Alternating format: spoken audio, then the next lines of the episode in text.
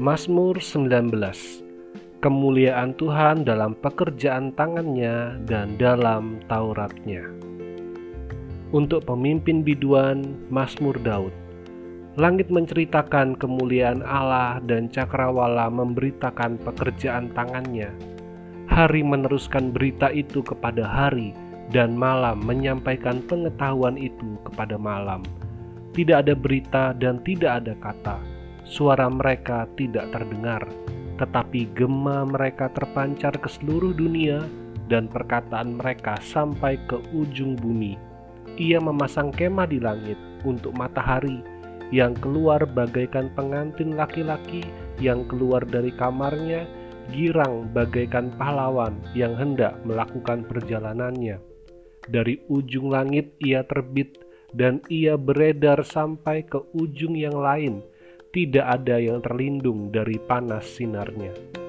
Taurat Tuhan itu sempurna, menyegarkan jiwa.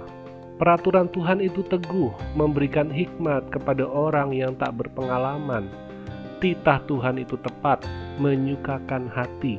Perintah Tuhan itu murni, membuat mata bercahaya. Takut akan Tuhan itu suci, tetap ada untuk selamanya. Hukum-hukum Tuhan itu benar, adil semuanya.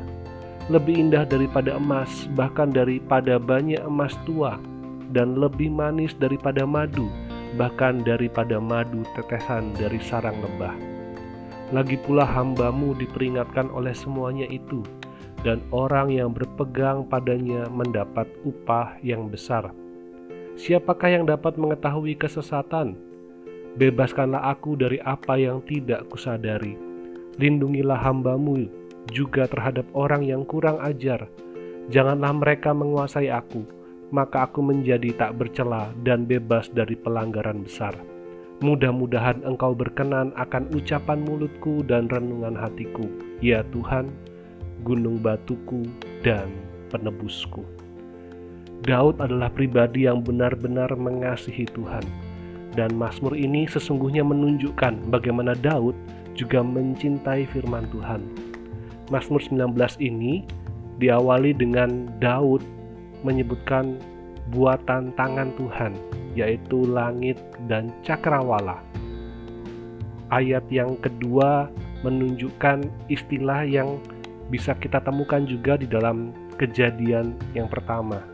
Ada langit, ada cakrawala, menunjukkan bahwa Daud bukan sekedar mengerti atau mengagumi akan alam semesta, tetapi ia juga menemukan bahwa Tuhanlah yang menciptakan alam semesta sebagaimana dituliskan di dalam kitab Kejadian.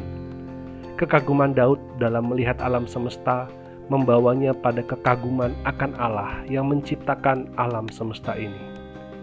Daud menyatakan bahwa kemuliaan Tuhan itu terus-menerus ia lihat, baik siang maupun malam. Jalannya alam semesta juga mengumumkan atau menunjukkan bagaimana Tuhan merancang alam semesta ini dengan luar biasa.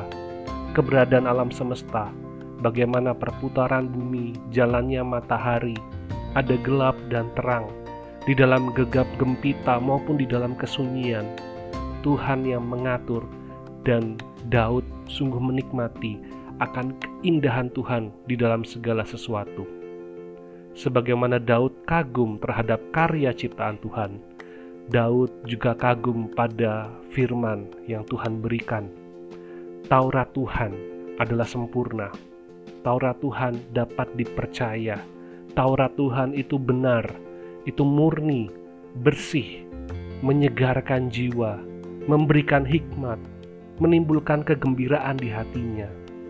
Taurat Tuhan memberi pencerahan bagi pemazmur, dan Taurat Tuhan bagi pemazmur adalah bekal yang cukup baginya untuk menjalani hari-harinya. Bagi Daud, Taurat Tuhan itu lebih berharga dari emas yang terbaik. Bagi Daud, Taurat Tuhan itu lebih manis daripada madu. Taurat Tuhan sungguh memberikan sukacita bagi Daud, karena melalui hukum-hukum yang Tuhan berikan, Daud melihat kesempurnaan dan kemuliaan Tuhan ini menunjukkan bahwa Daud sungguh-sungguh membaca dan mengerti maksud Tuhan di dalam hukum Taurat. Taurat tidak merenggut kebebasan manusia, justru memberikan kebebasan. Taurat Tuhan memberikan kesukaan karena Taurat membawa manusia untuk mengenal Tuhan. Dan Daud mengakhiri Mazmur ini dengan sebuah doa. Ia menyadari bahwa ia tidak sempurna. Oleh sebab itu, ia memohon pengampunan dari Tuhan Mungkin ada hal-hal yang ia tidak sadari, yang ia telah lakukan dan tidak berkenan di hadapan Tuhan. Mungkin ada hal-hal yang ia tidak sadari, ia lakukan dan menyakiti orang lain.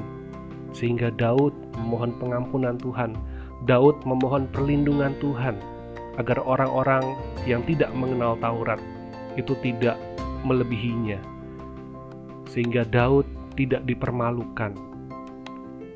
Dan Daud tidak hanya menaati Tuhan, dia juga berusaha untuk menyenangkan Tuhan, baik di dalam perkataan maupun di dalam pikiran dan tindakan. Daud menyebut Tuhan sebagai tuannya yang ia mau taati, yang ia mau setia. Daud juga menyebut Tuhan sebagai batu karang, tempat ia berlindung, tempat ia menenangkan dirinya, mendapatkan ketenangan jiwa dan Daud menyadari bahwa Tuhan bukan hanya sebagai tuannya, bukan hanya sebagai perlindungannya, tetapi Tuhan adalah penebusnya, Tuhan adalah penyelamatnya. Ayat terakhir ini menjadi bagian yang sungguh indah. Ketika kita mengagumi akan ciptaan Tuhan, itu membuat kita tahu bahwa alam semesta yang begitu indah tidak terjadi dengan sendirinya, tetapi ada di dalam rancangan yang luar biasa, yaitu rancangan Tuhan, Sang Pencipta. Dan ketika kita menemukan bahwa firman Tuhan menunjukkan bagaimana karakter Sang Pencipta itu, maka kita akan mendapati kesukaan, kita akan mendapati hikmat, kita akan mendapatkan segala yang kita perlukan untuk menjalani kehidupan ini. Oleh sebab itu, Mari kita sungguh-sungguh mengerti kebenaran firman Tuhan. Kita berusaha untuk terus-menerus mengenal Tuhan melalui firman-Nya. Dan biarlah kita terus dipimpin oleh kebenaran firman Tuhan.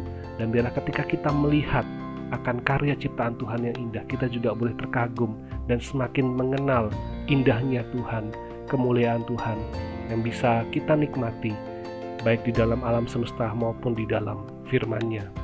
Biarlah bagian ini boleh memimpin kita, membawa kita untuk senantiasa melihat karya Tuhan, pengaturan Tuhan di sepanjang kehidupan kita, bahwa Tuhan juga yang memelihara dan menuntun kita seturut dengan kebenaran firman-Nya. Selamat menjalani hari, selamat beraktivitas. Tuhan Yesus memberkati.